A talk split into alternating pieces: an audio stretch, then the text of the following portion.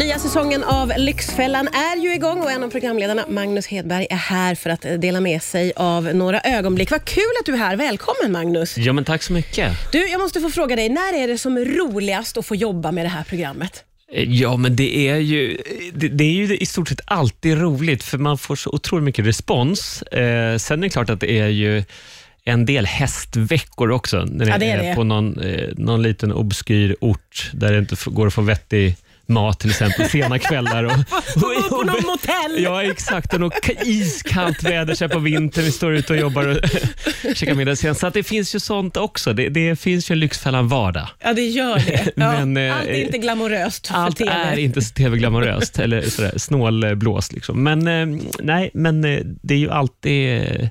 Ja, det känns alltid bra när man kommer hem. Liksom. Ja. Det, det är ett kul jobb att ha. Ja, för det här programmet har ju funnits med många av oss eh, hur länge som helst. Vad är det som gör att det funkar år efter år? Ja, jag vet inte riktigt, men jag tror att det är en kombination av eh, Ja, dels för en del. Vi får ju höra att eh, det visas Lyxfällan-avsnitt på skoltid, på lektionstid. Är det sant? Både låg, mellan, högstadiet och gymnasiet till och med, som, eh, för att lära sig om ränta och se vad som kan hända och konsekvenserna och så vidare. Så det är en utbildningssyfte. Häftigt ju.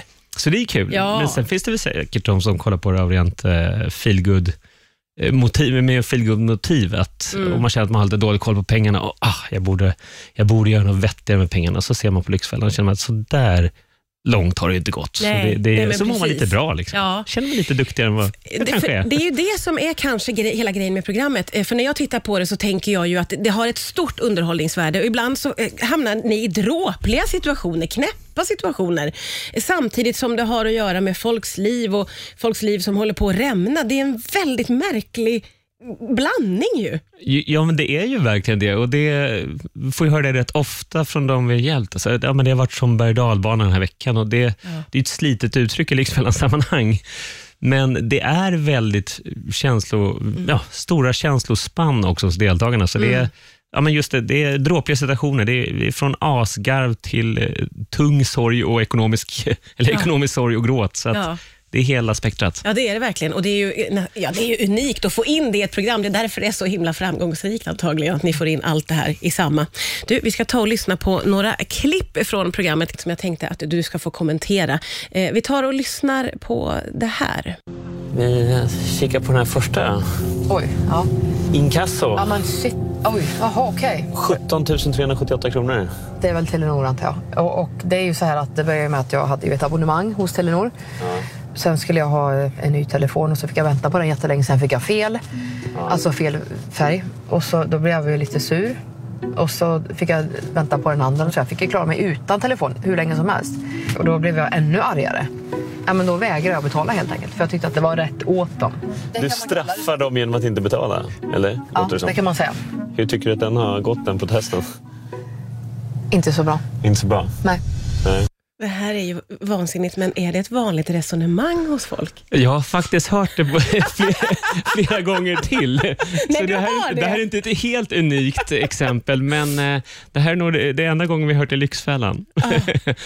Men, Ja. men eh, kan det vara så här det funkar för folk, att man liksom säger för, till sig själv att nu ska de minsann få, men man straffar sig själv egentligen? Ja, jag har hört eh, folk som sagt att jag fick inte det i posten och så nu fick jag min påminnelseavgift och så vidare. Och så, jag vägrar, jag tänker inte betala. Jag tänker inte ens ringa. Varför ska jag hålla på och jobba för deras, för att de ska få in sina pengar? Nej. Det är resonemanget. Och så landar det hos sin kassa och drar på sig ännu kostnader. Mm. Eller ännu fler kostnader. Så att, nej, jag har hört resonemanget förr, men eh, Det föga, föga, eh, föga ekonomiskt framgångsrikt. Nej, nej, nej det, där fun- det funkar ju inte, det förstår vi ju. eh, du, vi ska ta och lyssna på ett eh, klipp till här. tänkte du när du slog till på en hummer då? Det var ju mer som en rolig grej. Det låter lite dumt. Det var- låter det var- helt, helt Ja. galet. Jag vet. Du har tre lyxbilar. Du har en Hummer, en Porsche Cayenne och en M5. Och du är sjukskriven och du kan inte betala räkningarna. Och i det läget så skuttar du iväg till bilhandlaren och tänker vi behöver en pendlarbil också. Vad hände? Hur tänkte du egentligen? Jag vet faktiskt inte här, men jag ska vara helt ärlig. Jag har ingen aning. Nej, det här att Ja. inte ha någon aning om hur man råkar köpa en bil när man inte har pengarna. Hur hänger det ihop egentligen? Ja, det är ju spännande. Det är väl det är någon- slags utstuderat flyktbeteende tror jag. Att Det där tycker jag är kul och sen när man har gjort det så är det som liksom att minnet stänger den dörren lite. Så att, Ja. ah, jag vill inte fundera på varför. Eller man har liksom aldrig grottat i, i resonemanget, utan man, man står där man står och har det man har. Men de här situationerna har vi sett om och om igen i Lyxfällan. Hur länge kan man hålla på på det här sättet? Ja, vad skulle jag säga? Jag brukar säga att tillväxten ser skrämmande god ut för nya Lyxfällan-adepter. För det, det, är ju, det är så lätt idag att ta lån och leva över sina tillgångar, lättare än någonsin förr, ska jag säga. Och lättare faktiskt också än i många andra länder som har andra krav. Så, eh, så kreditproblemet, liksom, att folk belånar sig på öronen för att unna sig saker som de faktiskt inte har råd med, det, eh, det, den, den bara växer.